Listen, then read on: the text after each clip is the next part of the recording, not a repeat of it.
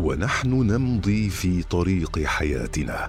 نمر على نقاط مهمة قد نغفل عن أهميتها أو تكون خارج نطاق رؤيتنا. نقط عمياء مع إبراهيم العجمي.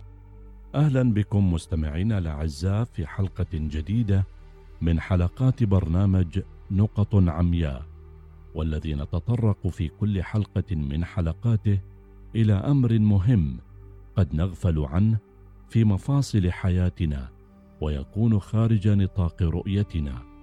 فنمضي في ممارسته أو تجاهله فيشق علينا مع مرور الوقت فعله أو يحرمنا الترك فوائده. في هذه الحلقة عندما يرتبط ذكر وأنثى في علاقة زوجية ويعيشان تحت سقف واحد لا بد أن يكون كل واحد منهما يحمل بعض الصفات التي لا تعجب الآخر فيتجنب بعضهم أسلوب النقد المباشر للشريك الآخر فيلجأ إلى مقارنته بالأزواج الآخرين ظنا منه أن هذا الأسلوب هو الأنجع والأنجح في إيصال نقده متغافلا عن أن بذكاء الطرف الآخر يستطيع أن يميز أن هذا الأسلوب هو للتنقيص منه. ومن قدراته وإمكانياته فيقول أو تقول مثلا لماذا لا تكون مثل زوج فلانه لماذا لا تكوني مثل زوجة فلان؟ وغيرها من العبارات القائمة على المقارنات بين الأزواج ويعتبر ذو الاختصاص أن مثل هذه المقارنات مؤشر على بداية المشاكل وتسرع من عملية انهيار العلاقة الزوجية. ولها نتائج عكسية مع مرور الوقت ولا بد من وقفها فورا والإنسان بطبيعته سواء كان ذكرا أو أنثى. لا يحب أن يقلل من شأنه أو من قدراته ومقارنته مع الآخرين.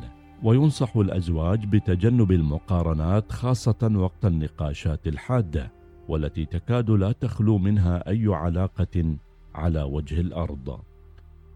من أشكال المقارنات هو قيام الزوجة والزوجة بمدح دائم لشخص من خارج العائلة وذكر مناقبه وأفضاله والثناء على كرمه وأخلاقه ما يعتبر في كثير من المحاكم من الأسباب التي تؤدي إلى انفصال الزوجين لأن ذلك يعد تقليلا من شأن الطرف الآخر. وقد تكون المقارنات مع الأزواج أو مع الآباء أو غيرهم ويمكن للمرأة أن تستخدم أساليب ذكية ومؤثرة ايجابيا في محاولاتها لإكمال النقص بحيث لا تخلو من تشجيع وامتداح لذوق الرجل عموما وأن يكون النقد عادة بعيدا كل البعد عن شخصه وكرامته. كذلك الرجل وعلى كلا الزوجين أن يدرك أن لكل إنسان شخصيته المستقلة وتفكيره وطريقته في الحياة.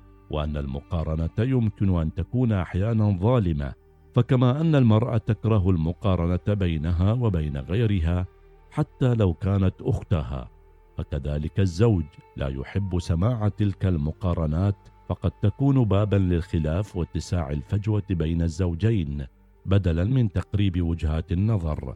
ولحل هذه المشكلة يرى بعضهم أن الهدف عادة من المقارنات هو دفع الطرف الآخر لتغيير سلوكه ما يجعل من العملية سهلة الحل وذلك بأن يجلس الطرفان ويبحثان عن الحلول ويطرح كل طرف أعذاره وظروفه وإمكانياته كي يفهم ويدرك كل واحد منهما الحقيقة وكي لا يشطح في استخدام أساليب قد تؤدي بعد مدة إلى تعقيد الأمور وإشعار الطرف الآخر بأن المقارنة مهما كانت وبين من تكون غير دقيقة في الغالب.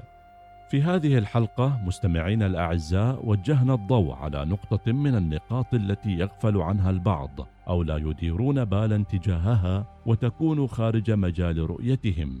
وهي أن يقوم بعض الأزواج بمقارنة الطرف الآخر مع أزواج آخرين.